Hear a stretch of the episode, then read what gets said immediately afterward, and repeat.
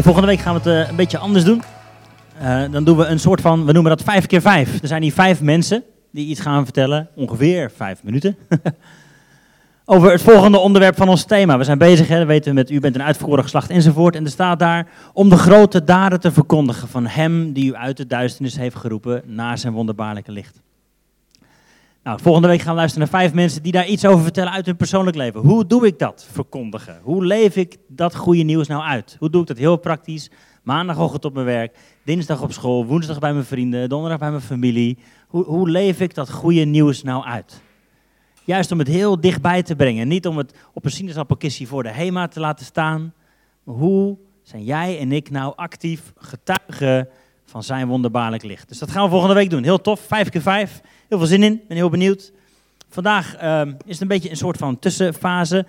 Je weet misschien, als het goed is, dat we deze, dit jaar hebben genomen om, om dat thema uit 1 Petrus 2 door te spreken, door te leven. Dus we hebben gekeken naar wat betekent priesterschap, wat, wat betekent koninklijk leven, wat betekent het om een heilige natie te zijn. Dat hebben we de afgelopen paar weken gedaan. En we staan nu een beetje op een keerpunt, want zoals ik zei, we gaan naar dat om dat toe. Om de goede daden te verkondigen van hem enzovoort. Dus vandaag eigenlijk een soort van waarom-vraag. Waarom doen we wat we doen? Altijd een goede vraag. Waarom doen we wat we doen? Nou, er zijn verschillende soorten waarom-vragen. En als je, uh, iedereen is wel kind geweest, toch? De meeste van ons zijn kind geweest. Als het goed is, ben je kind geweest. Sommigen van ons hebben kinderen. Maar we kennen allemaal die peutervragen. Waarom? Wie zit er in die fase? Houd het ooit op. Er is hoop. De vraag, waarom? Peuters stellen altijd de waarom-vraag. Waarom ben jij een papa en waarom ben jij een mama? Waarom, hoe zit het leven in elkaar? En het is gezond als peuters die vragen stellen, want daarmee krijg je een beetje grip op het leven. Dat is hoe ze de wereld om zich heen ontdekken. Waarom is dit geel? Ja, weet ik veel. Omdat ik het zeg. waarom? Wij zitten een beetje in de puberfase. Wij hebben ook waarom vragen. Waarom moet ik dit doen? En de achterliggende vraag is natuurlijk, wat levert het mij op? Wat levert het mij op? What's in it for me? Waarom?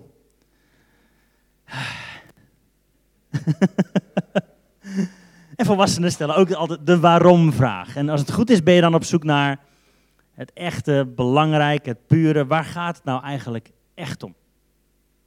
Want het waarom maakt altijd het verschil voor het wat. Gisteren waren wij eh, met eh, een gedeelte van ons gezin in de IKEA, moesten wat spulletjes kopen, gingen daar lekker eten. En op een gegeven moment gooit een van onze kinderen, ik zal niet zeggen, maar het is een hij, die gooit... die gooit, pats, een glaasje cola over de schoot van moeders. Zit je dan? Wat maakt dan het verschil? Het waarom. Als hij het nou expres had gedaan, had hij een flink probleem gehad. Nu had alleen hij die een probleem. Zit je dan met een zeik, natte, vieze, kleffe broek. Maar de waarom maakt toch wel het grootste verschil, toch? Als hij het nou expres had gedaan, ja, dan moeten we echt even de maatregelen nemen. Nu was het per ongeluk. En we waren gewoon aan het eten en aan het kletsen, aan het vertellen. En dan, ja, dat kan dan gebeuren. Dus het waarom was nu, ja, sorry, per ongeluk. Als het expres was geweest, heb je een probleem. Dus de waarom-vraag is heel belangrijk. We kunnen met z'n allen precies hetzelfde doen, maar het waarom maakt uiteindelijk het verschil. En dan een beetje eerlijkheid, een beetje spiegel. We beoordelen onszelf eigenlijk altijd op ons waarom, op ons motief. Toch? We beoordelen onszelf altijd, ja, maar ik, ik bedoelde het wel goed. maar ik, eigenlijk bedoelde ik dit. Dus we bedoelen onszelf altijd op onze goede motieven. We beoordelen de ander vaak op het wat. Ja, je kan het wel goed bedoeld hebben, maar je deed dat. Je deed het niet expres, maar toch deed je het. Even een reality check. Dus waarom? De waarom-vraag is belangrijk. Het waarom achter het wat. En het waarom zegt altijd ook iets over ons, hè? over hoe wij in het leven staan, over hoe wij denken. Wij kunnen ook vragen stellen. Waarom, waarom moest God zijn zoon vermoorden? Wow. Moest dat? Dat zegt alles over jouw godsbeeld. Over waarom is er zoveel ellende? Waarom grijpt God niet in? Belangrijke vraag, maar het zegt ook heel veel over jou. Waarom gaan de preken niet dieper? Leuke vraag, zegt ook heel veel over jou. Een waarom vraag zegt altijd heel veel over hoe jij in het leven staat. Nou, als Connect Kerk vindt het ook belangrijk dat de waarom-vraag geregeld gesteld wordt. Waarom doen we eigenlijk wat we doen? Waarom spelen we kerkje? Waarom komen we op zondag en op verschillende momenten door de week bij elkaar? Waarom doen we wat we doen? En als je de waarom-vraag stelt in relatie tot een kerk, is dat heel verstandig om te beginnen bij Jezus. Waarom kwam Jezus? Waarom leefde Jezus? Waarom deed hij wat hij deed? Nou, ik heb een stuk of 10, 11 Bijbelteksten op een rijtje gezet. Je kunt ze niet achter mij lezen. Waarin Jezus zelf zegt, daarom. Wij kunnen misschien denken, Jezus kwam om ons naar de hemel te brengen en dan hoeven we niet naar de hel. Laten we kijken naar wat Jezus zelf zegt in, in, zijn, in de Bijbel. Waarom is hij gekomen? Matthäus 5, vers 17. Als je meeschrijft, het is leuk om al die teksten op te schrijven, thuis na te lezen. Matthäus 5, daarin zegt Jezus: Denk niet dat ik gekomen ben om de wet of de profeten af te schaffen. Ik ben gekomen om ze te vervullen. Jezus kwam om de wet en de profeten te vervullen. Het zegt iets over het waarom. Waarom kwam Jezus? Volgende dan, Matthäus 10. Dat is een leuk om eens op te kouwen, denk ik, met elkaar. Denk niet dat ik gekomen ben om vrede te brengen op aarde. Ik ben niet gekomen om vrede te brengen, maar het zwaard. Ik ben gekomen om tweedracht te brengen tussen een man en zijn vader, een dochter en haar moeder, schoondochter en schoonmoeder. Tweedracht brengen. Jezus, hoe zit dit precies? Sorry, Matthäus 10, vers 34, 35. Het zegt iets over de missie van Jezus. En hoe, hoe, sommige mensen dus denken, oh hij kwam zodat iedereen het maar lief en aardig en gezellig met elkaar had. En, en dan hebben we het nergens meer over. Jezus kwam niet om dat soort vrede te brengen. Hij kwam om waarheid van leugen te scheiden, om donker van licht te scheiden. In die zin kwam hij om tweedracht. Dat wat goed is, dat wat niet goed is. Te scheiden. Jezus had een missie. Matthäus 20, vers 28 dan. Er staat zoals ook de zoon des mensen niet gekomen is om gediend te worden, maar om te dienen en zijn ziel te geven tot een losprijs voor velen. Jezus had een missie. je ziet dwars door zijn hele bediening heen. Het begon al met, met de, de, de verleiding in de woestijn. Er kwamen afleidingen. De duivel komt erbij. Ja, maar dit is ook goed. En als je nu hiervoor kiest. Maar Jezus kon doorgaan omdat hij een missie had. Hij wist diep in zijn binnenste, dit is het waarom. Om te dienen en zijn ziel te geven tot een losprijs voor velen. Marcus 2, vers 17. Ik ga zo de evangelie door. En toen Jezus dat hoorde, zei hij tegen hen... Wie gezond zijn, hebben geen dokter nodig, maar wie ziek zijn. Ik ben niet gekomen om, te, om rechtvaardigen tot bekering te roepen. Ik ben gekomen om zondaars tot bekering te roepen. Jezus is gekomen om zondaars, zij die ver van God af waren, zij die hun rug naar God toe hadden gekeerd, om die dichtbij te roepen. Dat was een missie van Jezus. 1 vers 38, daar staat, in Marcus. Hij zei tegen hen, laten we naar de naburige plaatsen gaan, opdat ik ook daar predik, want daarvoor ben ik uitgegaan. Nogmaals, had een doel. Ik heb een woord van God. Ik ben het woord van God en ik moet erop uit. Ik moet gehoord worden. Deze boodschap is belangrijk. Lucas 19 dan. Want de zoon des mensen is gekomen om te zoeken en zalig te maken dat wat verloren is. Jezus is gekomen om te zoeken en zalig te maken. Nogmaals, hij is heel doelbewust. Johannes 3, vers 17 dan. Want God heeft zijn zoon niet in de wereld gezonden opdat hij de wereld zou veroordelen, maar opdat de wereld door hem behouden zou worden. De missie van Jezus is in één zin. Opdat de wereld behouden zou worden. Opdat wat wat ver is, dichtbij gaat komen. Om de mensen die buiten staan, welkom thuis te heten. Johannes 3, vers 17 is dat. Gaan we verder, Johannes 6. Ik ben uit de hemel neergedaald, vers 38. Niet om mijn wil te doen, maar ik ben gekomen om de wil van Hem te doen die mij gezonden heeft. En dit is de wil van de Vader die mij gezonden heeft. Dat ik van alles wat hij mij gegeven heeft, niets verloren laat gaan, maar ik laat het opstaan op de laatste dag. Johannes 9 dan. Ik ben tot een oordeel in deze wereld gekomen. Hoe is? Net zei hij, ik ben niet gekomen om te oordelen. Johannes 9, vers 39. Jezus zei, ik ben tot een oordeel in deze wereld gekomen, opdat zij die niet zien, zien zouden. En zij die zien, blind zouden worden. Dat is het oordeel van Jezus. Dat wat krom is, wordt recht gemaakt. Licht wordt gescheiden van duister. Johannes 10, vers 10 dan, een bekende. Ik ben gekomen opdat zij leven hebben en overvloed. Dat is het hart van wat Jezus aan het doen is. Johannes 12 dan. Jezus heeft het moeilijk en hij zegt: Nu is mijn ziel in beroering. Wat zal ik zeggen? Vader, verlos mij? Nee, hierom ben ik gekomen. Johannes 12, vers 27. Mijn ziel is in beroering. Wat zal ik zeggen? Vader, verlos mij? Nee, hierom ben ik gekomen. Nogmaals, omdat Jezus het waarom wist, kon hij het wat doorstaan. Omdat hij wist waarom hij op aarde was, kon hij alle afleiding, alle verleiding, alle uitweggetjes weerstaan, omdat zijn doel bekend was. Ik moet daar naartoe en daarom maak ik nu deze keus. Als laatste dan voor nu Johannes 18. Pilatus zei tegen hem: U bent dus toch een koning. En Jezus zei: U denkt dat ik een koning ben.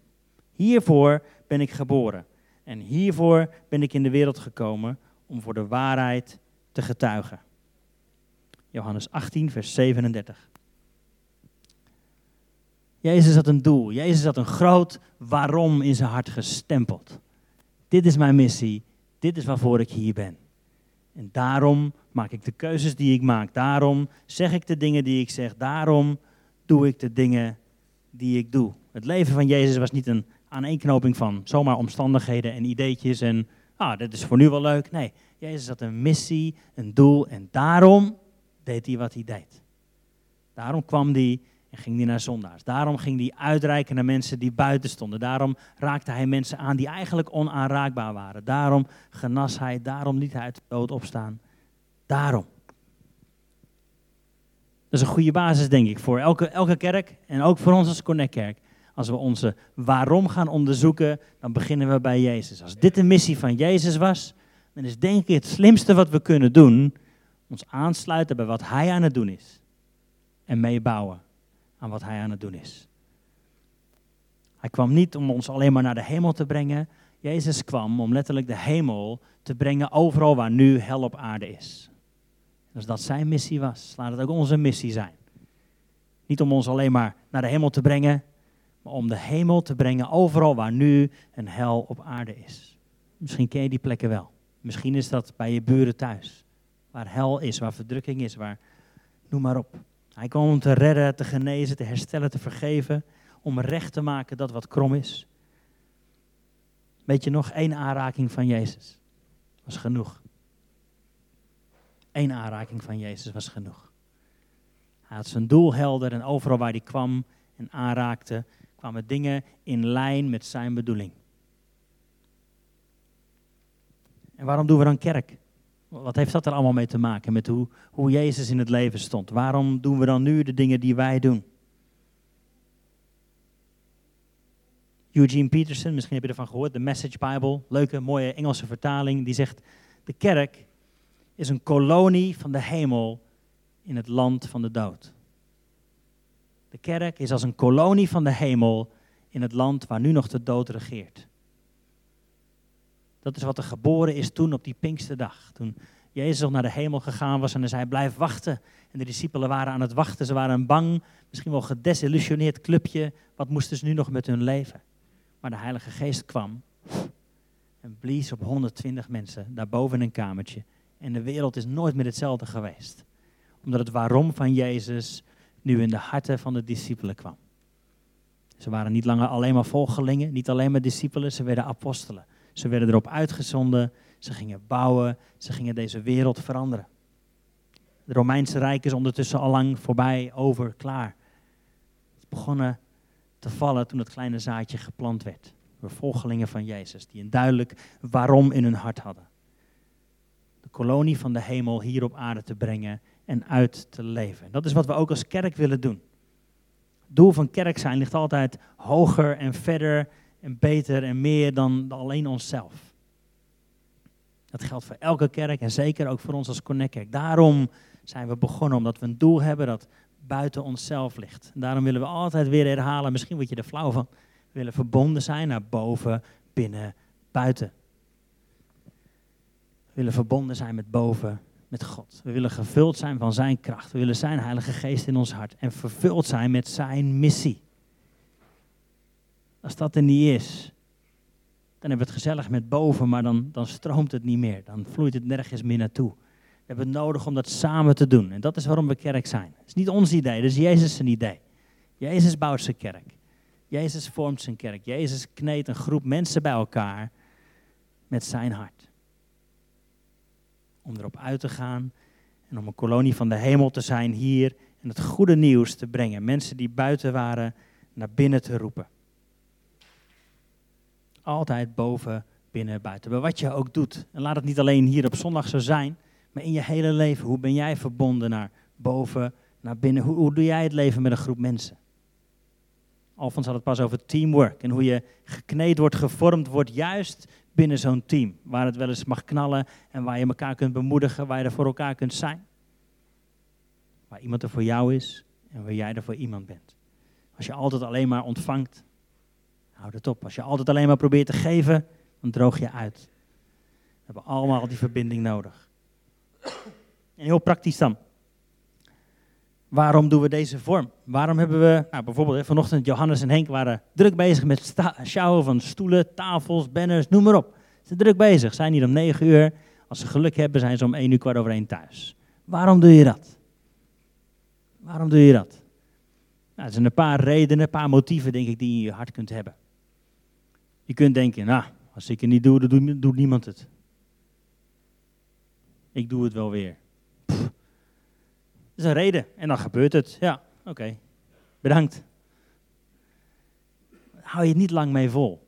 Als dat een manier is waarop je in het leven staat en verbonden bent met elkaar of verbonden bent aan een taak, als je zo op je werk zit, dan weet je allemaal of je wordt overspannen, burn-out of je, je houdt het niet meer vol.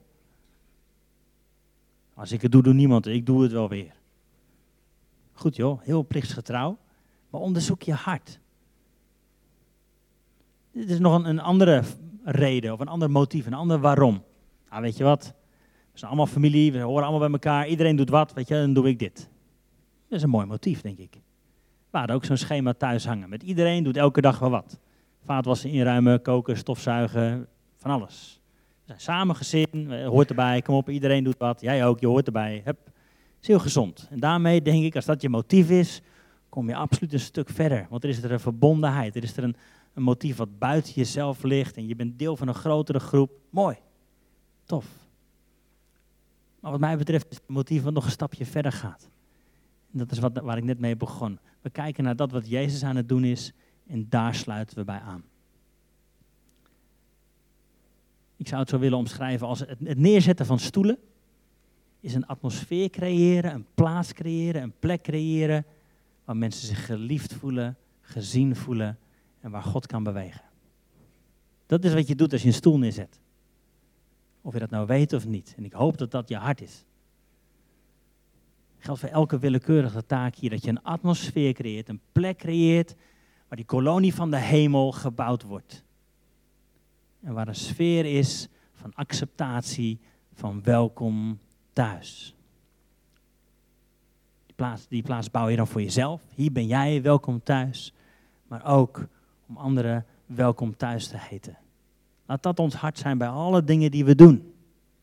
Dat is waarom we Connect Kerken doen.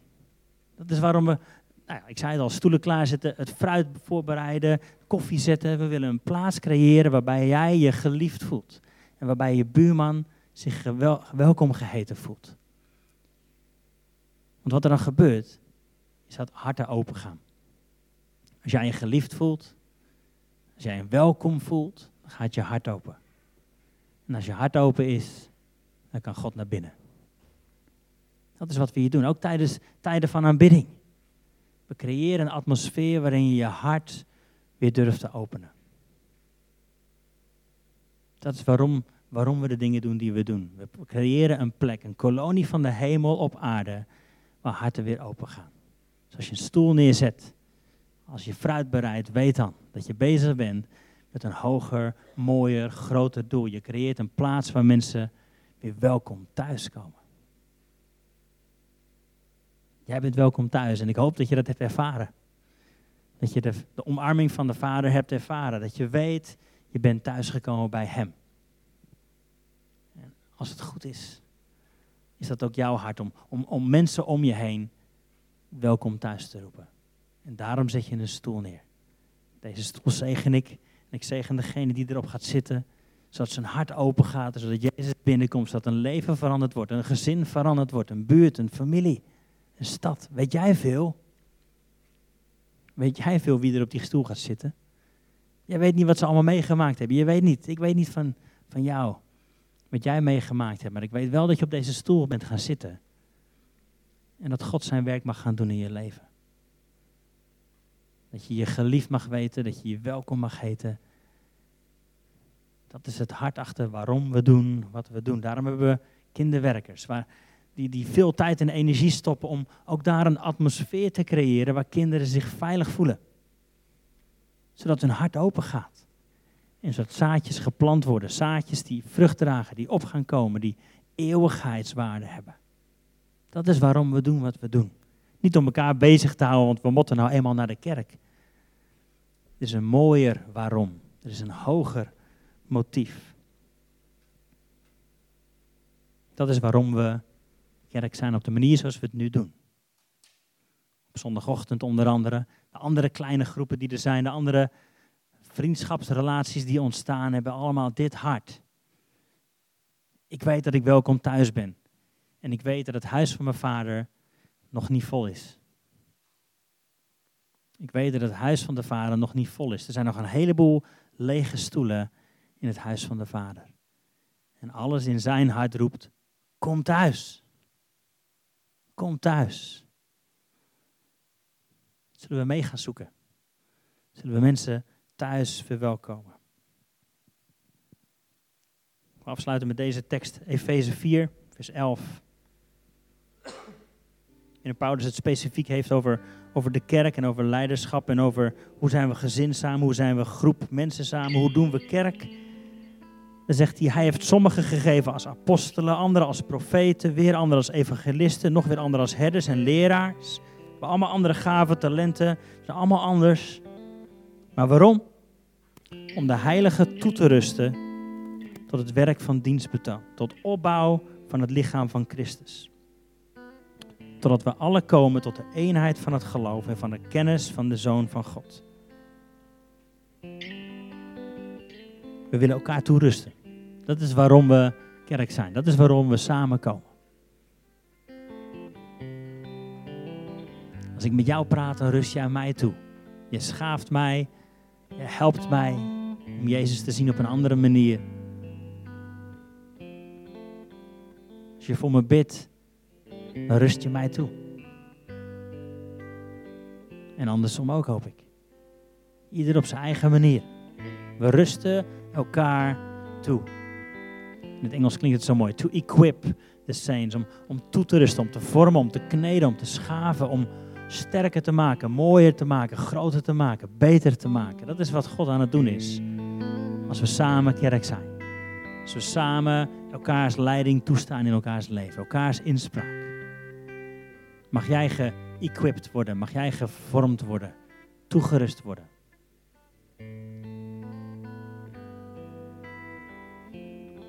Staat er tot het werk van dienstbetoon. Jezus zei, ik ben niet gekomen om gediend te worden.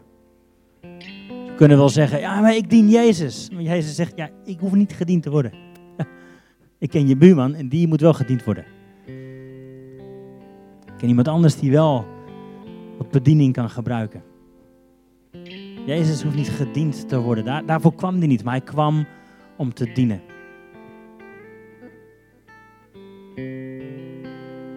Ik hoorde pas een uitspraak van iemand die zei: Laat je theedoek altijd groter zijn dan je ego.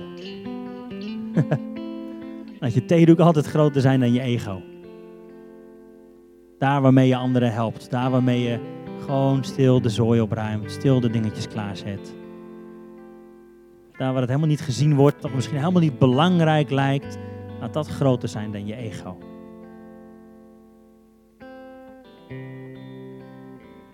Binnenkort heeft Corné een avond die hij organiseert waarin hij vraagt wie is jouw wegwijzer?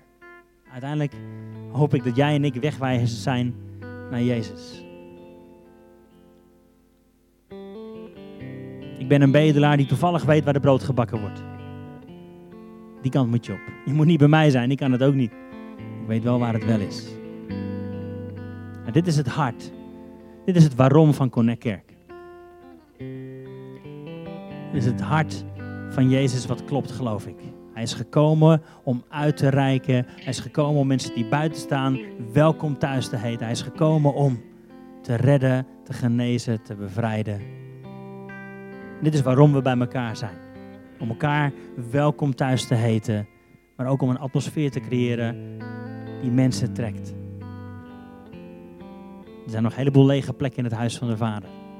Hij wil zijn huis gevuld hebben. En daarom zijn we kerk. Om elkaar toe te rusten en om uit te reiken naar buiten. Zullen we gaan staan?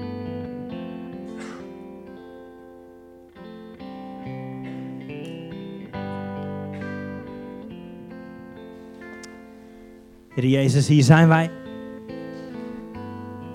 Met als het ware ons hart in onze handen nemen en het opnieuw naar u uitrekken, uit, uitstrekken. En zeggen, ons hart is voor u. We willen graag dat ons hart samenklopt met uw hart. We willen graag de dingen die u belangrijk vindt, ook belangrijk vinden.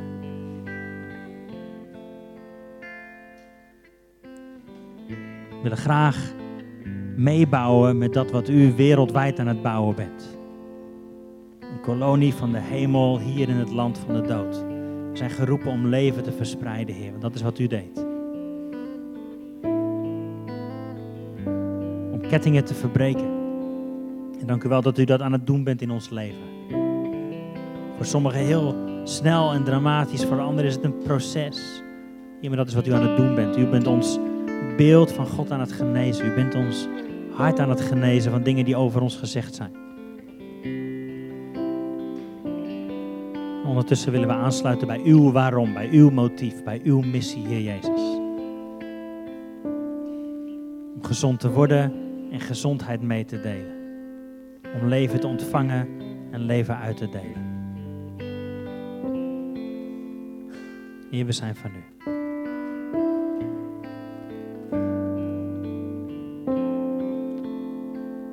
Misschien zit je hier en denk je van ja, ik heb dat nooit zo bewust gedaan. Zo mijn leven aangesloten bij, bij Jezus. Mijn leven verbonden aan zijn leven.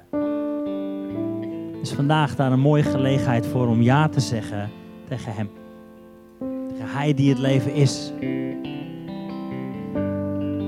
Tegen hij die ons redt en bevrijdt en geneest en herstelt.